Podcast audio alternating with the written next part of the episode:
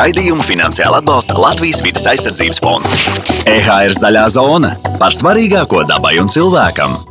Esiet sveicināti, cienījamie klausītāji. Mans vārds ir Kaspars Eglīts, un jūs klausāties EHR raidījuma Zaļā zona. 14. februāris.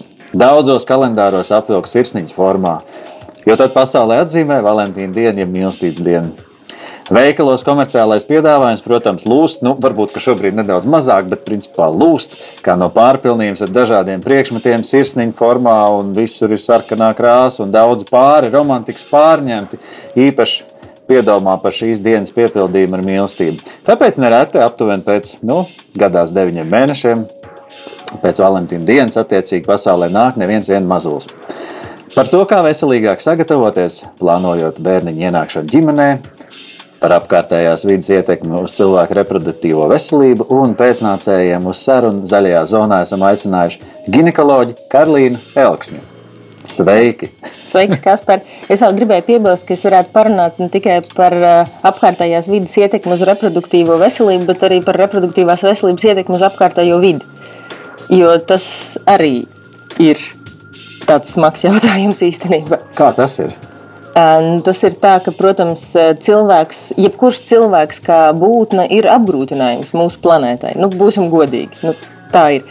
Bet, protams, ka tas nav nekāds arguments, lai ap, apturētu mūsu vairošanos. Nu, nevienā brīdī tā, tā es nedomāju. Bet es domāju, ka ir veidi, kā mēs varētu padarīt mūsu vairošanos un tā jaunā, mazā cilvēka ienākšanu ģimenē tādu pēc iespējas vidē draudzīgāku. Piemēram, Uh, nu, vai tu gribi, lai es uzreiz ar to sāku? Nu, okay. tu, tu pats sāki. Es teicu, ka, par, ka par to parunāsim. Bet, nu, runājam. Labi, runājam. Uh, nu, tur ir ļoti daudz dažādi aspekti, kas man šķiet ir stipri pārspīlēti mūsdienu bērnkopībā. Es lietošu šo terminu. Um, ir bērnkopība ir ļoti, ļoti materializēta. Nu, tādā ziņā, ka ir e, ārkārtīgi daudz lietu, um, jā, pat ne darbību, ne tieši lietu, jā, e, ļoti daudz dažādu lietu, bez kurām, manuprāt, e, un, un daudzu citu arī prāt, mierīgi varētu iztikt, bet kuras mūsdienās jau tiek pasniegtas kā tādas pilnīgi pašsaprotamas un absolūti nepieciešamas bērniņa ienākšanai ģimenē. Tautiņbiksīts. Ok, autiņbiksītes, es teikšu, ka to nozīme arī varbūt ir mazliet pārspīlēta, bet tā tomēr būtu no tām lietām, kas tiešām arī stipri atvieglo dzīvi. Bet nu, ir vesels lērums ar, ar dažādām lietām, kuras mēs varētu izvēlēties. Tas ir vai nu vispār neizvēlēties, vai izvēlēties lietotas, vai izvēlēties stipri mazāk, kā tās mums ir. Es pieņemu, ka tas ir īstenībā par jebkuru tēmu. Ja man tagad klausās kāds ētiskās modes eksperts, viņš teiks, nu, aberdā, Protams, jā. Bet, eh, bet par bērnu kopības sakarā varbūt par to runā mazliet mazāk. Nu, es zinu, ir kaut kādi zero veisteri, kas par, par to ir runājuši Latvijā. Bet, Tas eh, ļoti saskan ar Bet Lielos vilcienos tu runā par, eh, par, par drēbēm, par eh, ratiņiem, par tīru jā, funkcionālām jā, lietām, par, par visu, kas ir. Pārizmantot, jo bērni taču aug. Tieši, tieši tā, un nav uzreiz jāpērk precīzi. Nav katrai ģimenei jāpērk jaunu ratiņu tikai tāpēc ar tekstu es gribu jaunus ratiņus savai ģimenei. Es gribu tīru planētu pēc 50 gadiem. Nu, kura vēlme ir svarīgāka, mēs par to vēl varam strīdēties. Nu, es esmu diezgan skarbs šobrīd, bet eh, nu, tā es domāju.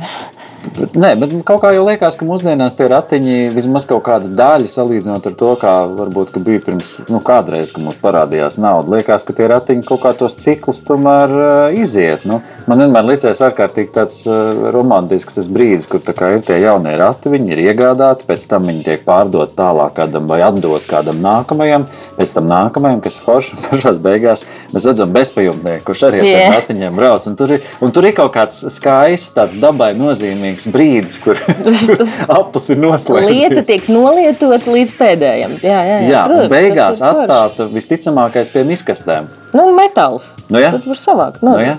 Nu, jā. nē, nē, tas ir tieši tā, par to es eh, piekrītu. Bet es domāju, ka nu, varētu vairāk izmantot es un mazāk jaunos ratiņus. Bet tas ir tikai ratiņi. Bet, nu, labi, piemēram, ja tu gribi konkrētas lietas, nu, pārtinamais galds. Nu, ja vien tu neesi pediatrs bērnu slimnīcā ja, vai kaut kādā citā iestādē, nu, es reāli nesaprotu, kam ir vajadzīgs pārtinamais galds. Tas ir tas. Uh... Tā ir tāda pēdiņas. Tā ir tāda stēle, kur ir tā kā kājas vai, vai siena, un tad ir virsma, un virsma ir, ir šāda. Nu, tā kā skateparks. Tā kā precīzi rampa, rampa, horizontāli novietot rampa. Tā doma tāda, ka ja bērniņš, kamēr es ģērbju bērniņu, lai, lai viņam tā kā ir tā rampas forma, lai viņš nenoveļās, Bet, mīļie vecāki, visi traumatologi tāpat runā par to, ka jūs arī tajā uz tā pārtinamā galda nekādā gadījumā, nevienu brīdi, nevienā vecumā, pat jaundzimušo nedrīkstat atstāt vienu un novērsties pat ne uz sekundi. Mhm. Kā, un, ja jūs tāpat nevarat novērties, tad kāpēc jūs viņus sasodīts nevarat pārtīt uz galda vai uz gultas vai uz vēl kaut kurienes? Nu, jā, jo mēs gal galā esam izauguši bez pārtinamajiem galdiem. Labi, pārtinamais galds ir eh, labs piemērs, ratiņš, labs piemērs, drēbes, kas vēl? Uh, jā, par, par drēbēm, jā, viss, viss tas lērums ar drēbēm, kas tiek uh, tirgots. Uh, masveida ķēdēs, lielajās veikalu ķēdēs. Nu, arī, protams, nu, es neticu, ka tas viss ir, ir nolietots. Un tad, kad man piedzima pirmais bērns, es saņēmu, es nepārspīlēju četrus lielos rīmīju maisus ar drēbēm. Apmēram 50% no tām drēbēm izskatījās tā kā vispār nebūtu vilktas. Dažām no viņām bija pat birkas klāta. Nu, ir par ko padomāt, manuprāt. Nu, labi. Jā, autiņbiksītes, eh, jā, es arī godīgi atzīstos, es neesmu perfekta. Man arī bija ļoti, nu, es esmu ar visiem saviem trīs bērniem izlietojis kopumā, skaitot arī diezgan daudz iepakojumus ar vienreizējām mm, autiņbiksītēm. Bet, nu, ja es pieņemu, ja salīdzināt ar vidējo vecāku, tad tas netuvu nav, nav tik daudz. Ko es darīju? Es jau pašā sākumā mm, nopirku tās, kas ir mazgājumās autiņbiksītes, mm -hmm. audumu.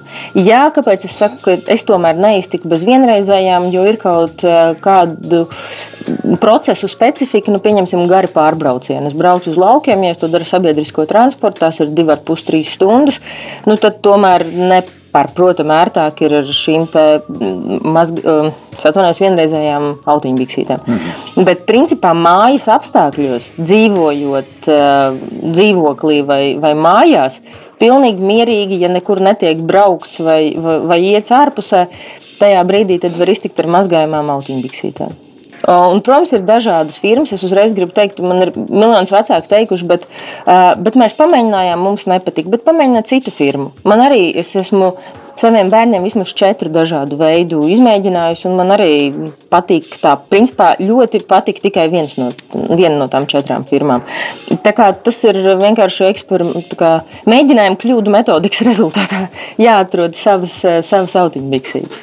Nu, labi, mēs tā pašā sākumā neplānojam, bet ļoti forši mēs pārlicām jau uz to bērnu stadiju. Bet, bet nu, pakāpjoties tagad tos deviņus mēnešus atpakaļ, ņemot vērā, ka ir Valentīna diena. Okay. uh, jā, uh, nu, tie, kuri plāno bērnu. Kā mūsdienās, uh, nu, es nezinu, vai var lietot šo vārdu pareizi, bet kā būtu, nu jā, laikam tāds arī tas jautājums ir, kā pareizi mūsdienās plānot bērnu. Uf, īstenībā sarežģīts jautājums. To, to tev uzdod cilvēks, kuram, kuram bērnu nav. Līdz ar to nu, nu, nu, normāli, ka man šāds jautājums varētu būt. Es pieļauju arī mūsu daudziem klausītājiem. Nu, tad, tad es tev atbildēšu, tā, ka tu man sākumā off, offline teici, ka tu esi praktiķis. Tad es tev arī atbildēšu arī kā praktiķis, jo man savukārt ir trīs bērni. Un, un visi trīs ir ļoti, ļoti, ļoti plānoti. Un, uh, tad es kā ginekologs, no tā, tīri no ginekologa medicīniskā viedokļa, atejot no visas psihoemocionālās sagatavošanās, kas, protams, ir nemazāk svarīga, uh, tad uh, principā. Tas jau nav mans pašs izdomāts. Pasaules veselības organizācija, WHO, ir ļoti stingri definējusi tās lietas, kas ir jāizdara ģimenei, vīrietim, sievietei, plānojot grūtniecību, Latvijas apstākļos tie ir trīs uzturbagātinātāji, kas būtu jālieto. Vismaz nu, būtu vēlams trīs mēnešus pirms grūtniecības iestāšanās. Nu, tātad, tad, kad jūs sākat jau par to domāt, ka, varētu, ka mēs esam gatavi bērniņa ienākšanai ģimenē, nu, tad sākt lietot. Tā ir folskābe, Es varu arī konkrētas devas, jo es zinu, ka cilvēkiem patīk konkrētība. Tātad folskābe ir 400 mikrogrami. Tas būtu, būtu minimālā deva. Mm, ja ir anamnēzē kāds bērniņš ar iedzimta patoloģija nu, vai kādas veselības problēmas, citas. Nu, tas ir specifiskāk pie, pie ginekologa, bet šī deva var būt arī lielāka. Tā, tas ir D vitamīns un tas ir jods. Un, tātad, principā, tikai šie trīs medikamenti. Vienmēr šādos gadījumos rodas jautājums, kā tad ir ar tiem vitamīniem, kas ir speciāli paredzēti grūtniecības plānošanai.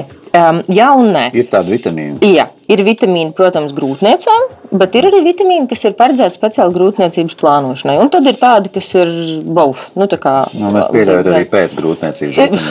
Breastfeeding, jā, protams, jā. vai mamma. Young mom. Es šodien kā reiz gāju aptiekai garām, redzēju skatlogā. Un tad man nāca doma, ko es sāku sasīt. À, par tiem vitamīniem kopējiem. Jā, ka, jā un nē. Pasaules veselības organizācija saka, ka visiem lietot tos nevajag, ka pilnīgi pietiek ar šo tri, trīsvienību, ginekoloģisko trīsvienību, jods, folskāba un D vitamīns. Bet, ja māmiņa pati savu uzturu uzskata par nepietiekamu, ja viņai ir kādas blakus saslimšanas, nu, piemēram, varētu minēt cukurdiabētu vai imūndeficīta sindroms, ja māmiņa Nesen viņai jau ir bijušas dzemdības, viņa baro ar krūti. Nu, tātad dažādi tādi faktori, tad, tad, jā, tad būtu atbalstām arī šo komplekso vitamīnu lietošanu. Nu, kaut kāda ārēja apstākļi, kas varētu, nezinu, iespējams ietekmēt to Jā. auglību tīri uh mhm. -huh. tajā procesā. Jā, protams, tas ir liels, liela nozīme ir smēķēšanas atmešanai ja ģimene ir um, viens vai abi partneri smēķētāji, es gribu teikt, jāpievērš uzmanība abiem partneriem, jo arī pasīvā smēķēšana nodara kaitējumu.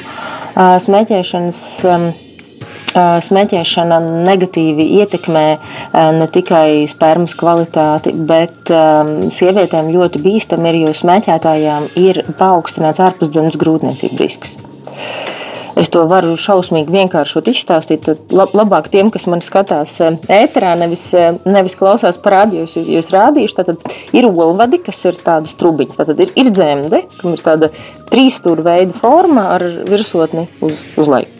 No dzemdes attiek trubiņas, kas ir olvadi, un blakus dzemdei atrodas olnīcas.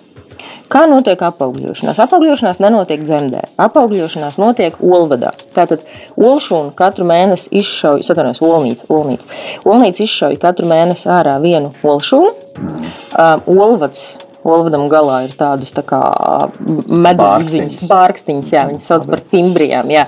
Um, Olvada galā esošās bārkstiņas šo ol, olšūniņu saķer, un tad tā olšūniņa migrē olvadā. Kāpēc viņi migrē? Tāpēc, ka olvadā, um, olvada iekšējā virsma ir izklāta ar tādām tā mazām skropstiņām, līdzīgi kā tas ir degunā. Bez sarunās. Savādāks. Zarnās viņām ir cita funkcija. -hmm. Olvadā un. Vizuāli. Jā, Labi, jā. tu esi eksperts. Vizu, vizuāli, ok, jā. Bet, bet degunā tā funkcija ir arī putekļus un mikrobus visu virzīt uz ārā, nu, tā kā izgrūst ārā. Tad olvadā tā funkcija savukārt ir to olšu un maigi stumt uz pareizajā virzienā, maigi virzīt pareizajā virzienā. Nu, lūk, un kas notiek smēķēšanas gadījumā? Smēķēšanas gadījumā šīs barkstiņas paralizējas. Un uh, olšūnai ir lielāka iespēja apaugļotai olšūnai, tad viņa ar savu spermatozītu tur satiekās, viss notiek. Un normāli viņai būtu tālāk jau apaugļotā stāvoklī jāemigrē uz dzemdi un tur pēc dažām dienām jāimplantējas. Smēķētājām ir lielāks risks, ka šīs bārkstiņas nepildīs savu virzīgo funkciju pietiekami adekvāti. Man šī apaugļotā olšana paliks tur, kur viņi ir, un attīstīsies ārpus zemes grūtniecība. Kas, nu, Paldies 21. gadsimta medicīnai vairs nav letāla patoloģija, jo tas tiek samērā ātri diagnosticēts, un, un šīs sievietes tiek vai nu operētas, vai medikamentos tas tiek mm, menedžēts. Bet, um, Jā, bet agrāk jā, tas bija. Principā tas bija Latvijas Tas vi... arī kaut kāda procesa vienkārši lēnāk notiek. Nu, jā, nu, tas ir spermas kvalitātes, jo nav jau tikai cigaretes un nikotīns, tas, tas skaitīgās vielas, bet daudz satura arī daudzas citas. Kas vēl? Vēl tā mēs par auglību runājot, bet tas jau ir stipri. Tu man prasa par tieši bērniņu plānu, nu, tādu Es īsā, domāju, īsā jā, periodā. Īsā bet- versija, nu, nu, nu, tie populārākie, nu, protams, ka Jā. gan jau, ka narkotikas arī Nu, alkohols. jā, ā, jā ā, tur- par alkoholu starp citu es vēl varu piebilst. Izmantošu to, ka es esmu eterā. Un, um, tas jautājums bieži vien ir, kāpēc? Kāpēc nav tādas uh, nu, tā kā minimālās devas atļautās, ko es alkoholu varētu lietot, um, lai tas būtu droši? Uh, nu, kā, kāpēc nevar lietot alkoholu vispār? Kāpēc tā rekomendācija? Un tad atbilde ir tieši tā, tāpēc, ka nav pierādīta, nav tāda vienība, uh, kur būtu zinātniski pierādīts, ka tā ir droša. Nu, respektīvi, Tas nav līdzīgi tāpat kā lidmašīnās ar mobilo telefonu. Nu, nav jau arī pierādīts par to, ka nedrīkst lietot. es nezināju, ja? nav pierādīts. jā. Es varbūt, Bet- ka tagad bet ir, vienkārši- bet vismaz vēl nesen nebija. Bet nu, labāk to nedarīt. vienkārši. Nu, kāpēc riskēt? Tu gal galā riskē ar cilvēku dzīvībām. Nu, šai gadījumā tu arī riskē. Labi, ok, pretjautājums vienkārši, ci- cik, cik nav dzirdēts, uh, nu, labi, nenormāli daudz, nē, bet man personīgi ir pazīstami, nu, kaut kādi varētu būt divi, trīs pāri. Kur ir gājuši visu to pareizo ceļu. Mēs nesmēķējam, mēs nelietojam alkoholu, mēs tur, tur regulāri mīlējamies. Pēc tam viņi Trīs tur reizes nedēļā. tur, kā- PVO rekomendētais daudzums. Na, Trīs reizes nedēļā. Tas nav slikti. Dzird, ja? ziņā. Nu, jā, trīs reizes nedēļā. Jā, nu. Pasaules veselības organizācija rekomendē. Jā. Pilnīgi oficiāli. Tātad, dāmas un kungi, trīs reizes nedēļā. tas, ir, Perfekt. tas ir pēc likuma. Ā, nu, lūk, gulušies tur, cēlušies kājām gaisā. Tur kā nu, vēl viss kaut ko tik. Ka, Par šito man starp citu nesen viena pacienta apgaismoja. Viņa teica, ka tā ir poza berjoski. Nu, jā, Pauls Berjoski, tā kā nu, tie, tie, kas, tie, kas varbūt mūs klausās, tas sanāk, tad, kad akts ir, tad droši vien, es pieradusi kaut kā vairāk stāstīt, bet man izklausīsies smieklīgāk. Akts ir noslēdzies, tad, tad meitene taisa svecīti. Kā Berjosku? Karolīna teica, Berjosku, var sakot, nu, lai viss saturs paliek ā, savās vietās ilgāk, un tad ir lielāka iespēja, ka tur tā olša un tur izkastās atsakot. Un visu šo te pareizo procesu te pāri ir gājuši, un kā nesanāk, un nesanāk, un nesanāk, un nesanāk. Un tad ir tas moments, kurā ir aizbraukuši uz kaut kādu Melnsiņu, zinu, Spāniju, ā, piedzērušies, visu vakaru pīpējuši, beigās pamīlējušies, un ir. Jā. Nu, šeit būtu žēl, ka man nav otra rezidentūra psihoterapijā iziet. Jo par šo ir ko teikt psihoterapeitiem. Psihoterapeiti bieži vien saka, ka viņiem rentās pacients, eh, kurus cīnās ar neauglību gadiem vai pat dažos gadījumos desmitiem gadu. Un Tāpēc, tad- ka visi galvā. Un tad, kad viņas, es nezinu, es neesmu psihoterapeits, bet, bet tas viņa mēsīčs ir tāds, ka, ka, ka tikko kā viņas šo domu atlaiž, kā viņas beidz uz to, kon, nevis viņi, pāri, pāri, kā viņi beidz eh, uz to ļoti intensīvi koncentrēties, tā visas lietas notiek. Bet, nu, ej, nu, tu to kādam pasaki, nu, to pasaki, beidz, tagad nedomā par, nedomā par ūdeni. Nu, nedomā, vienkārši nedomā. Nu. Tas ir viss, par ko tu spēj domāt.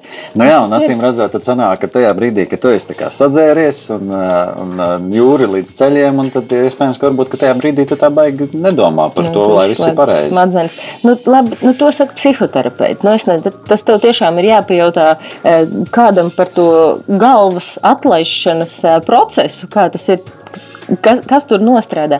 Bet kas par es gribu teikt, ka tajā visā bērniņa rad- radīšanā, nu, man godvārds, es esmu studējis medicīnu e, sešus gadus un vēl piecus gadus ginekoloģijas rezidentūru, un tagad jau nostrādājusi jau ļoti ilgi. Bet es tomēr, jo vairāk es strādāju, jo vairāk es saprotu, ka bieži vien tur ir kaut kāds mistisks vai, vai maģisks moments klāt. Nu, kaut kāda ezot. Nu, es, es nezinu, nu, kas tas ir. Protams. Bet tu, tur ir kaut kāds, eh, kaut kāds brīnum, brīnum moments, tur vienmēr pieslēdzās. Nu, labi, vēl viens tāds, tas kā ir ar to vidējo vecumu. Jau kādreiz, jā, protams, nu, nezinu, padomu laikos, un tā, tur, tur 20 gadi bez mazliet, nu, tad viss jābūt bērniem. Tu jau, tu jau skaities vecs, nu, vismaz tik, cik man tas ir stāstīts. Bet nu, tagad es skatos, ka tas vecums aizvien vairāk un vairāk, ā, nu, it kā vismaz tādos ā, sabiedrībā viņš pieaug. Tā kā vecāki kļūst vecāki. Jā. Vai, vai, vai arī cilvēks ir kaut kādā veidā nezinu, piedzīvojis kaut kādu evolūciju kopā ar medicīnu, ka tas ir iespējams? Nu, bet, vai... protams, nu kā, nu, ja Pasaules veselības organizācija ir definējusi jaunu cilvēku līdz 65, agrāk no 50 padomju laikos jau gāja pensijā. Nu, tā tad ir milzīga evolūcija notikusi tajā cilvēka spējā uzturēties pie, pie veselības, pie labām darba spējām, pie tādas e, fiziskās un mentālās e, funkcionēšanas adekvātas. Un arī kļūšana par, par vecākiem ir, ir, ir, manuprāt, attiecīgi likumsakarīgi ir nedaudz pabīdījusies tajā vēlāko gadu virzienā. Latvijā šobrīd vidējais vecums pirmajam bērniņam sievietei, es tiešām nepateikšu par vīrieti, bet sievietei ir 28 gadi. Nu, tur plus mīnus 28,5 vai 27,5, nu kā kur gadi. Tad vidēji 28 gadi. Vīrietim, ja nemaldos, bija kaut kādi bišķi vairāk, vai 29 vai 30. Nu, lūk, bet um, salīdzinājumā, piemēram, ar Itāliju, tur šis vecums ir kaut kādi 34, 35, kaut kas tāds. Tā kā Nu, dažādās eh, valstīs dažādi tās kultūras tradīcijas joprojām spēlē lomu. Man ir medicīnas studenti no Indijas, kas saka, ka viņu valstī tas joprojām ir drusku pāri 20. Kur. Uh, bet jā, Latvijā 28. Starp citu, par 28 gadiem runājot, jā, padomju laikos bija tāda diagnoze primipāra senilis, jā, kas nozīmē veca pirmzemdētāja. Un sievietei jau bija pāri pa 28 gadiem. Tad viņš skatās varēja... vecs pirmzemdētājs. Jā, viņš skatās vecs pirmzemdētājs. Cik gados tagad vecs pirmzemdētājs skaitās? Tagad tā diagnoze ir atzīta par, eh, par politu nekorektu un pārsvarā netiek. Šī šāda diagnoze netiek lietot, tad es noteikti viņu nelietoju. Eh, bet eh, kas vēl vēsturiski interesanti, ka bija arī tāda diagnoze par imipāra vētula kas nozīmē vītusi pirmzemdētāji. Tā bija tāda, kas gluži vēl nav veca. Nu, nav vēl tur tā, tie 30, bet nu, pār 25 jau ir. Es pieļauju, ka šis arī vairs nav politkorekts. Nē, šis nebija politkorekts jau tad, kad es sāku strādāt. Tā kā, tā kā viss ok. Bet, eh, bet principā no šī mēs varam secināt, ka uh, ja, uh, nu, jaunai sievietei ir pār 30, nu, teiksim, 32, piemēram, 33 gadi, tad tas vēl aizvien ir pilnīgi ok un normāli. Jā, jā, tas ir pilnīgi normāli. Nu, manuprāt, Tātad ir... šo raidījumu var dot klausīties arī vecākiem, kas, kas vienmēr aizbrauc ciemos. Nu, kad tad jūs, nu, vai tad nebūtu laiks? Jau, jā, jā mīļie vecāki, šitā nekad nedariet. Šitā nekad nesakiet. Es atkal izmantošu ēteru laiku, lai paustu viedokli par savu sāpīgiem jautājumiem.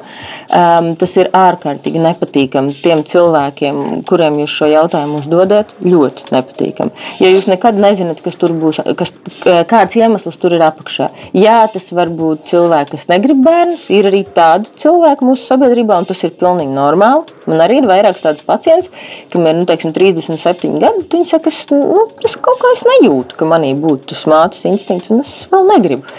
Bet, eh, ja tur ir apakšā kādas medicīniskas problēmas, tad tas būs ārkārtīgs. Tas būs kā naža trieciens sirdī. Fui, man pilnīgi sacēlās zosādi no šitā. Bet eh, tas tiešām var būt ārkārtīgi, ārkārtīgi sāpīgi. Tāpēc nekad nevajag uzdot tādus jautājumus. Jūs nezināt, varbūt tie cilvēki jau gadiem cīnās par savu pirmo bērniņu. Jā, tas īstenībā būtisks. Būtisks punkts, jā, jo man liekas, ka katrs pāris vismaz reizi to ir vēl aizvien piedzīvojis. Nu, es tā pēc sevis spriežu, un kad ir ik pa laikam uzpeld, nu, taču mums taču gribās būt vecvecākiem. Nu, mm. Nu, tad tur tā. Jā. Jā. Bet, bet atkal no otras puses, es teikšu, ka diezgan tikpat ļoti sāpīgi ir. Es nezinu, kāpēc mūsu sabiedrībā tā ir iegājies, bet laikam ir kaut kāds kā, pieņemamais bērnu skaits ģimenei kuru, ja tu nesasniedz, tad tas ir slikti, bet, ja tu to pārsniedz, tad atkal slikti. Tad tu esi kaut kāds vai nu, nezinu, seksa manieks, vai nu, vienkārši no nelabvēlīgas ģimenes, vai asociāls, vai kaut kas tāds. Nu, teiksim, ja ir kaut kādi četri un vairāk, tad, tad jau apmēram, nu, kāpēc tik daudz? Tu kaut kāds mhm. reliģiskais fanātiķis esi, vai, vai un, un tas arī ir nepatīkami. Ja tu pasaki, nu, es gaidīšu ceturto, man bija tāda pacienta, kur teica, ka viņai bija ļoti, ļoti nepatīkami ka viņa teica savai mammai, ka, ka viņa gaida ceturto bērniņu, un māmas, ka tu kaut kāda kaķina, tad taču ir arī karjera, kur tu uz bērnu stājas.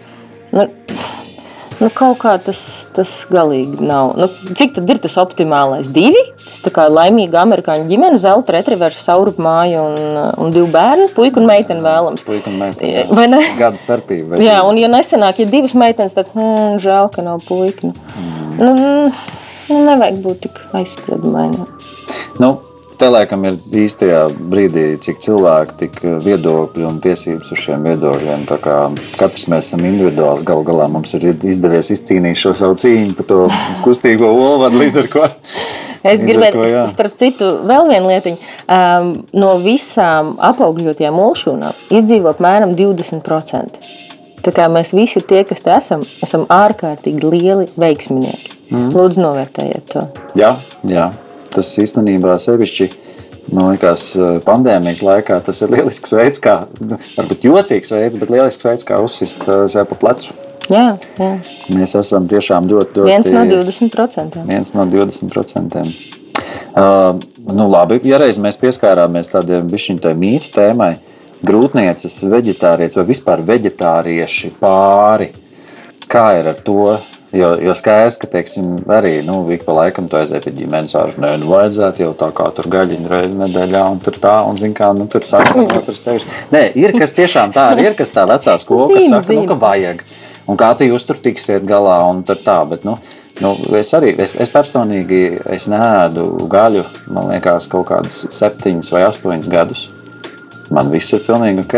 Man ir brīnišķīgas analīzes, es regulāri mm. viņas eju nodot, es sportoju, man ir spēks. Nelietojot papildus dzelzceļa preparātus. Nelietojot papildus dzelzceļa, nu, kaut kādos iekritienu brīžos, varbūt mm. tur jā, bet tā pa lielam es neko nelietoju. Es sportoju, mm, es esmu dzīves, sveiks un vesels, bet nu, ir diezgan daudz šie, te, man gribētu teikt, stereotipi. Kā ir grūtniecēm? Pilnīgi mierīgi.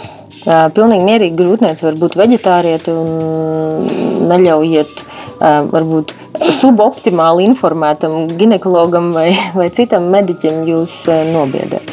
Tā kā Tas ir absolūti savienojams. Jau atkal atsaukšos uz to pašu Pasaules veselības organizāciju, kura vegetārismu ir pasludinājusi par pilnīgi drošu grūtniecībai. Ja?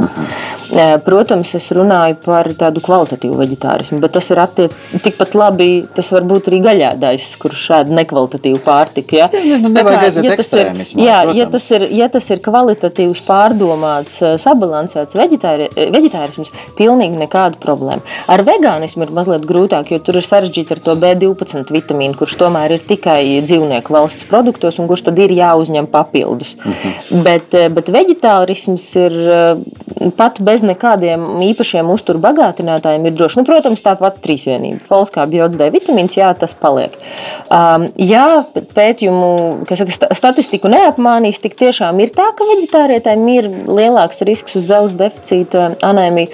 Bet, godīgi sakot, man ir grūtniecis gan veģetārietis, gan neveģetārietis, gan vegānis. Nu, Es neesmu novērojusi, ka tā starpība būtu tāda nu, ļoti izteikta. Arī gaļādājām ļoti bieži attīstās dzelzceļa deficīta anēmija grūtniecības laikā. Nu, tas tā vienkārši ir. Ok, ir reiz vegetārisms, vegetāriešu ģimene. Vegetāriešu ģimenē piedzimst bērniņš. Kāds ir tavs viedoklis par to, kā vajadzētu tālāk darīt? Nu, kā, nu, man liekas, ka, ja bērniņš piedzimst kristiešu ģimenē, nu, tas ir automātiski, ka viņš ir nu, kļūst par kristieti. Nu, es piedzimu mākslinieku ģimenē, es nezīmēju labi. Nē, nu, es, do- bet tev tika piedāvāts. Nu, man sots, tika- tu- man tika piedāvāts. Jā, es zinu arī cilvēkus, kas nāk no kristiešu ģimenēm, kas absolūti nav, nav, nav kristieši, bet tu prasi par to brīdi, kad bērniņš piedzimst. Nu, jā, jo tu, tu sākotnēji biji jau- tajā vidē, tu terpentīnu iesūci, iesūci ar visām porām ja, jau no dzimšanas. Nē, tā gan Nu, ir, bet es vienkārši domāju, nu kā, nu bērniņš piedzimst. Un, un, un sākot Nu, pirmos sešus mēnešus jau- ekskluzīva krūts zīdīšana. Jā, Nu, tā kā viņš pēc tam principāli jau- ir veģetārietis. Nu, Mēs visi tam. piedzimstam kā veģetārieši pirmos sešus mēnešus. Ok. Ā, tad, tad sākās piebarojums. Piebarojumi noteikti arī nesāk ar gaļu. Nu, tā tad vēl kaut kādus mēnešus, pusotru, divus viņš turpina būt veģetārietis. Jo tad ir dārzenīši, auglīši, pamazām kaut kādi graudaugi. Nu, jā, 8, 9 mēnešu vecumā viņam ir iespēja kļūt par neveģetārieti. Omnivoru. Vispār tas saucās omnivors, jā, visādās. Viņam ir iespēja kļūt par omnivoru. Un, nu, te jau nu ir vecāku brīva griba. Vai viņi ir. Vai viņi uzskata, ka demokrātija ir tad, ja bērns, kas ienāk mūsu ģimenē, pieskaņojas mūsu ģimenes ēšanas paradumiem, vai varbūt demokrātija ir tad, kad kad mēs viņam dodam šo iespēju izvēlēties gaļu, bet nu, atceramies, 9 mēnešu vecs bērns, viņš jau īsti viņam nav ar ko salīdzināt. Es domāju, ka vecāki tomēr ir tie, kas. Kā tu mājās pierodi, un pēc tam tiek laists uz dārziņu, un tad dārziņā tikpat labi viņš jau var pats brīvi izvēlēties. Viņš, viņš var, jā. Vai Es varu pastāstīt, piemēram, kā bija ar manu vecāko meitu, kurai šobrīd ir 5,5 gadi. Mhm. Uh, mēs mājās viņai īpaši nepiedāvājām gaļu, un viņa arī nēda. Un tad viņa trīs gadu vecumā sāk iet dārziņā. Nu, no sākuma viņa atteicās, bet tad vienā brīdī viņa intereses pēc pagaršo, un viņa kādu laiku dārziņā ēda gaļu. Un tad es tiešām nezinu, kas notika. Nebija tā, ka es viņai būtu rādījusi kaut kādu konspirāciju, filmu vai, vai nu kādu citu no, no tām YouTube sērijām, bet viņa vienkārši paziņoja, ka nē, viņa vairāk gaļu nēdīs. Un īstenībā tagad viņa ir karojošākais veģetārietis mūsu ģimenē. Nu, tā ka viņa ļoti, ļoti uzstājas, uzstājas pret un viņa vairāk gaļu nēd. Nu, vispār ne dārziņā, nekur. Bet tad būtībā tu pat ļāvi nolemt. Tas nebija tā, ka tu Nu, es viņai, dārziņu, es viņai teici, pati "Mans bērns nedevu, neēdīs." nedevu gaļu. Jā. Nē, es informēju audzinātājus. Vienkārši tad, kad Austrija sāk iet dārziņā, es, es audzinātājiem, protams, stāstīju, ka viņi nekad nav ēduši gaļu. Mhm. Nu, ka tā ka vienkārši tā nav bijis, nu, lai audzinātājs zinātu, ka viņi var kaut kā jocīgi vai savādāk reaģēt. Uh, un, um, Un uh, audzinātājs teica, ka viņš tā kā nespiedīs, protams, bet nu, viņš nevar arī nepiedāvāt, ka viņa pa, viņai pašai jāizvēlas. Nu, saka, tad kādu laiku izvēlējās ēst, un tad vienā brīdī viņa pateica, nē, viņa to vairāk nedarīs. Un es nezinu, es tiešām nezinu, kas bija tas, kas bija tas tā kā, nogrie, kurš bija tas brīdis un kas bija tas ietekmētāja faktors. Tāpēc, nu, nu, tā. Kas būtu tas, ko tu ieteiktu pāriem vislabāk nu, darīt šajā laikā, kad ir, eh, kad ir pandēmija ārā? Nu, protams, labi, to es saprotu. Trīsreiz, eh, trīsreiz nedēļā tas ir skaidrs. tas ir ar likumu, bet, eh, bet tīri nu, doties ārā veselīgās pastaigās. Ko vēl? Nu, tas vienmēr strādā. Es domāju, strādāšana pie savām attiecībām. Tas arī ir ļoti, ļoti labi. Runāšana. Nu, es ļoti daudz pēdējā laikā dzirdu par pāriem, kuriem ir problēmas ar komunikāciju. Un līdz pat nu, tādam līmenim, ka tā komunikācija kļūst neiespējama. Tiek iesaistīts arī psihologs savādāk. Nu, savādāk vienkārši attiecības vairāk nestrādā. Un, Bet es domāju, ka komunikāciju noteikti nevajadzētu pārvērtēt par zemu. Nu, kādā vakarā, es, es zinu, man arī patīk skatīties filmas, ļoti patīk, skaists, īpaši franču filmas, man ārkārtīgi patīk. Bet eh, vienā vakarā nu, varbūt neslēdzam iekšā to datoru un televizoru, bet vienkārši parunājamies. Nezinu, pam, pamasējam viens otram pēdas, ko padomājam. Es zinu, ka daudz pāri šobrīd saka, bet on, nu, mēs to jau darām. Nu, bet ticiet man, ir, ir daudz, kas to nedara. Sociālai burbuļi ir, ir dažādi. Um, tā kā tas psihoemocionālais stāvoklis, lai būtu tāds atbilstošs un uh, intīms. Jo man ļoti patīk, kā saka viena Latvijas seksa patoloģija, ka seks tas jau nav tikai tās darbības. Seks ir mums galvā, tas ir, tas ir mūsos. Tas ir, tāds, tas ir dvēseles stāvoklis, principā. Mm. Nevis tikai tas uh, fiziskais, uh, fiziskais akts. Um, Vēl kas par to man neuzdevi jautājumu par tiem reproduktīvās sistēmas bojātājiem. Vēl es gribēju parunāt par tādu lietu kā bisfenols A. Es drīkstu par bisfenolu A. Te kāds ir runājis studijā par bisfenolu A? Nē, nē. Jā. Jā, bisfenols A eh, ir. Es sāku no otras galvā. Labi. Eh, Ir, Ir runājis. à, Es nu, atcerējos, ir. Tas Nu? ir tā, ir tā mikroplasmas, kas paliek Jā, tajās jā. ēdienu kārbiņās. Uh -huh. Šodien es atnācu, man kā reizes pusdienās man bija tupervāri, jo es biju izpētījis, ka tupervārai, nu, es uh -huh. negribu tagad kādu konkrētu zīmolu, bet tupervāri Bet tur nav ko no slēpt, tiem, jā. Jā, tātad kuriem šis te bisfenols A nav uh -huh. sastāvā. Līdz ar to tādu bļodiņu man ir. Jā, Mhm. Jā, jā bet- pareizi. un kas Ļoti runāja? būtiski. Kurš, kur, kurš runāja? Ah, Es tagad no galvas. Tā bija. Es tagad no, no galvas nepateikšu, tā bija vienkārši tā sarunas. Mums ir pietiekami daudz, Nu jā, bet tas, šī, šī tēma ir vairākas reizes uh, atkārtojusies. un Tieši, jā, tas bija par Baltijas sarunā par Baltijas jūras piesārņojumu, kurā mēs pieskārāmies tēmai mikroplastmasa. Mm. Un vispār atklājās tas, ka mikroplastmas jau ir arī zobpastās un visādos mm -hmm. mazgāšanas līdzekļos un vēl Top kur. viens sievietēm kosmētikā skrubji. Jā, jā, skrubīši, viss tā kā tā tas- visa mikroplasmas un viens ir tas, ka tas nonāk organismā, otrs, ka tas nonāk piemēram tajā pašā jūrā un mm. gala rezultātā vidē, un viņi ir grūti savākt, tāpēc ka tas, tas ir ļoti mazas daļiņas. Nu, vienmēr sakot, tā kā tur viss ir slikti. Bet šī tēma mēs viņai, pies, mēs, mēs viņai pieskārāmies. Īsumā, šeit, jā, viss ir slikti. Mēs viņai pieskārāmies šeit tēmai, bet mēs negājām padziļināt. Līdz ar to ļoti labi, ka tu pati nu, akcentē, pastāst par bisfenolu A. Nē, nu es nevaru komentēt par jūru, bet tieši par bisfenolu A ietekmi uz reproduktīvo sistēmu. Es, saku, es sākušu no otras gala. Man bija lekcija farmaceitiem jau pirms kāda gada, kuras runāja par visām kaitīgajām vielām grūtniecības laikā. Protams, klasika, tur smēķēšana, alkohols, nu tad ir medikamenti, kas ir, kas ir kaitīgi. Atkal bišķi off-topic atkāpe, ja ne tuvu, ne visi medikamenti ir grūtniecības laikā kaitīgi. Tā ir tikai maza, maza daļiņa, un ticiet man, tas, ko jums nozīmēs ārsts, visi ārsti ir ļoti informēti, kurus var, kurus nevar nozīmēt grūtniecē. Nu, lūk, bet vārdu sakot, tad es viņiem stāstu par, par visiem šiem te.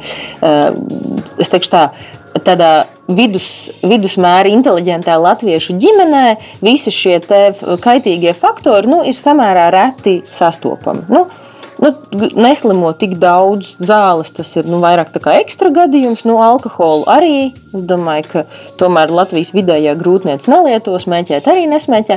Nu, tad viņiem uzliek slaidu, kur ir šādi punkti, miniet, kas tā ir par vielu. Atrodas mums visapkārt. Mēs ar to sastopamies katru dienu. Mm. Um, viņi mums ir makā, somā, mājās, nu, principā visur, vis, visapkārt. Un tā grauj un bojā gan endokrīno, gan reproduktīvo sistēmu. Zālē klusums. Neviens nevar atbildēt. Viens, tad, tad es uzlieku nākamo bildi, kur ir nu, nobildēti plasmas trauki un, un čeki. Un, nu, visi, kur atrodas bisfenols, viena farmaceita. Starp citu, farmaceita vegāna. Es zinu, es zinu, ka viņa tāda ir. Viņa vienīgā no visas zāles zināja, kas ir bisfenols A. Tas pierāda to, ka par maz ir informācijas par, par šo vielu. Tātad īsumā viela, kas atrodas ļoti daudzos plastmasas izstrādājumos, īpaši izdalās plastmasu karsējot. Tāpēc cilvēki reproduktīvā vecumā lūdzu nekars, ne, vispār nevajag pirkt salātiņus tajos trauciņos. Pirmais, līdz... otrais, trešais, ceturtais. Jā, jā, precīzi. Paņemiet savu tupervāru līdzi vai, vai, vai konkrējušas firmas līdzvērtīgu izstrādājumu. Mm. Paņemiet to līdzi. Rimīs, starp citu, ļoti eleganti iesaiņo salātiņus. Nē, tagad Covid laikā laikam nē, bet nu, vismaz pirms Covid vaiprāta. Viņi, es, es tiešām gāju, ja man bija slinkums mājās taisīt salātus, es tiešām gāju ar savu trauciņu un viņi bez vaipstīšanās tur iesaņoju šos svaramos salātus. Un nekarsējiet mājās tajā traukā, tajā plasmas traukā. Pudeles arī vienreizējās lietošanas pudeles nevajag tur liet siltu tēju, pēc tam atkārtot. Vēl jau mazāk tādu tēju vajadzētu dot bērnam. Um, nu, kas vēl? Konservu pēc iespējas mazāk. Mīļie veģetārieši turku zīriņus pas... labāk pērciet stikla burkā nekā. Tīri, bet tīri nekā arī vienkārši paskatīties uz tiem trauciņiem, jo skaidrs, ka tagad sevišķi pan, nu, pandēmijas trakuma laikā daudzi tie, kas tomēr dodās uz, uz darbu, viņi ņem šīs nu, pusdienas arī līdzi, jo pasūtīt mm. daudziem dārgi. Un līdz ar kā šie trauciņi, kuros mēs skatāmies, nu, jā, tas attiecas droši vien uz mikroviņu krāsni, kurā tur mm. nevajag sildīt, bet arī tīri elementāri izvēloties šos trauciņus. Nu, aprakstā jau ir rakstīts. Bet tu neticēsi pirms desmit desmit gadiem bija pilnīgi randuma situācija, ka bisfenols A ir arī zīdaiņu traukos, pudelītēs. Un, un tad vienkārši parādījās eh, nu, tāda milzīga akcija, ka bisfenols free kā, nu, zīdaiņu, zīdaiņu visu trauku. Un šobrīd jau tā ir norma, ka vismaz zīdaiņu traukos nav šis bisfenols. Bet nu, labāk mīļie vecāki, tad, kad jūs pērcat, nočakojat tomēr, ja nu kāds vēl ir aizķēries. Tātad bisfenols galvenais tas Nosaukums. šīs dienas atslēgas bisfenols A ir ļoti nepatīkams. Ir ļoti, ir ļoti nepatīkams. Uh, bisfen, vēl par, par bisfenolu A. Uh, Kāpēc grauj reproduktīvo sistēmu? Īpaši ar to jābūt uzmanīgām sievietēm, jo bisfenols A ļoti eleganti imitē estrogēnu. Estrogēns tas ir sievišķais hormons, pamats, tas, kas um, palīdz producēt arī olšūnas. Un, um, ja organisms saņem bisfenolu. Viņš automātiski domā, ah, nu tad man nevajag to normālo estrogēnu. Nu, tas tā es ļoti vienkāršot Tas izstāstu pār to pusdienas no kastītes sajūtos sievišķīgi vai pārbaudīt no bisfenolā. Nu, kaut kā tā. Nu jā, nē, tā tiešām ir ļoti, ļoti būtiska tēma un interesanti, ka dažādi cilvēki nākot šeit uz raidījumu arī to tiešām piemin Un, un tas ir, dažādos kontekstos. un tas ir sta statistika, jo, jo kad mums parādījās pārsvarā visas plasmasas, pudeles, plasmasas skārbiņas, nu, tie bija kaut kādi 90. Uh. -huh. Un tagad ir reproduktīvajā vecumā tie cilvēki, kas tajos 90. bija vai nu piedzimi, vai bija jauni, nu, kā, kā bērni. Un tas varētu būt viens no skaidrojumiem, kāpēc ir tik daudz neauglības. Jā. Jo, ja mēs par spermogramu runājam, vīriešiem, um, es atceros, te, kad es sāku mācīties medicīnu, tas kaut kāds 2000. gadu sākums apmēram. Es atceros, ka bija norma spermatozīdu morfoloģija. Ir tāds termins, kas, kas apraksta to, cik mums īsti ir vīrietim, cik vīrietim procenti no visiem spermatozīdiem izskatās normāli. Nu, tā kā zīmē bildītēs, tur galviņa, astīte. Nu, tad pilnīgi adekvāti. Jo vairumam, nu, tas ir visiem vīriešiem, vairumam, bet visiem vīriešiem lielākā daļa spermatozoīdu ir uh, mutantu formas. Nu, divas galvas, divas astes, aizlausta aste. Nu, vis, vis. Un tas ir normāli, tā tam ir jābūt. Bet normāli ir jābūt arī procentam, kas ir šī normālā morfoloģija. Mm -hmm. Adek, nu, klasiskā. Nu, lūk, te, kad es sāku mācīties, es atceros, tā norma bija kaut kur pie 15. 14, 15 bija jābūt tam. Tam. Tagad, jau pēdējos kaut kur 5 gadus, šī norma ir 4%. Tad, tad ja norma jau, jau par normālu spermogramu, un es teikšu godīgi, es pa visiem gadiem esmu redzējis tikai vienu spermogramu, kur bija virs desmit. Nu, tā kā Latvijas? Latvijas. Okay. Tas tā tīri statistikai. Nu, katrā ziņā mums ir, mums ir kur tiekties. Uh, Laiks mums šajā gadījumā ir uh, nu, mazliet nepielūdzams. Vairs nav kur tiekties. Vairs, vairs nav tik ļoti, kur tiekties, bet man gribētos teikt, mēs sākām pašā sākumā ar šo Valentīna dienas tēmu. Un, un kaut kādā mērā gribētos arī ar to noslēgt, jo tu pieskāries vienam ļoti svarīgam punktam attiecībā uz tām kopīgajām pieredzēm un attiecībām. Jo, jo, nu, Tā kā tu saki, seks jau nav un vispār tāda intimitāte savā starpā. Tas nav tikai un vienīgi par, mm. par kaut kādām tādām fiziskām darbībām. Tas, ir, tas patiesībā sastāv no ļoti, ļoti daudz komponentiem. Un, Es pats pēc personīgās pieredzes noteikti varu teikt, to, ka ļoti lielu lomu spēlē tieši šīs emocionālās pieredzes, kopīgi hobiji, kopīgi ceļojumi, kopīgi pavadīts laiks, kas nav, kā tu saki, tikai skatīšanās ekrānā. Arī šobrīd ir brīnišķīgs laiks, lai kopīgi dotos dabā, varbūt izmēģinātu distanču slēpes vai, vai, vai nu, brīnišķīgi ziemaizlogu, mm. vai, vai, vai jebko citu, varbūt pagatavot kaut ko kopīgi. Līdz ar to katra šī kopīgā pieredze ir tāda brīnišķīga emocionāla lieta, kas, kas to intimitāti un to nu, teiksim, arī libido uzlabo. Seksualitāte. Nav nu, jau tikai seks, ir jau seksualitāte. Tieši tā, seksualitāte, kas ir daudzkārt lielāka tēma, un es domāju, ka nu. tam mēs vispār varētu atsevišķu raidījumu veltīt. Mm. Bet nu, par to tas arī ir. Un līdz ar to laikam uz šīs nots arī gribētos noslēgt to mūsdienu sarunu. Un tad arī tas trīs reizes nedēļā varētu būt arī veiksmīgāks un patīkamāks visiem. Es teikšu, es teikšu tev lielu paldies par, par to, ka atnāci. Klausītājiem atgādināšu, ciemos mums šodien bija ginekoloģija Karlīna Elksne. Mēs turpinām klausīties EHR raidījumu Zaļā zona. Raidījumu finansiāli atbalsta Latvijas vidas aizsardzības fonds.